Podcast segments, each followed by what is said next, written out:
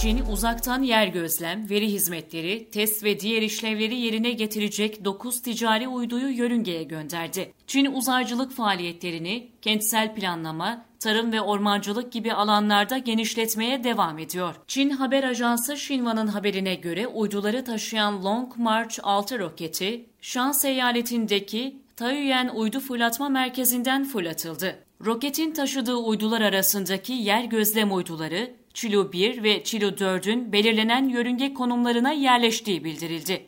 Shandong eyaletine ait uyduların arazi araştırma, kentsel planlama, tarım, ormancılık, enerji, afet yönetimi alanlarında hizmet vermesi planlanıyor. Roketin diğer yükleri arasındaysa farklı Çinli şirketlere ait bir uzaktan algılama uydusu, bir mikro nano uydu ve bir uzay madenciliği test uydusu olduğu bildirildi. Fırlatış, Long March roketleriyle gerçekleştirilen 366. görev oldu.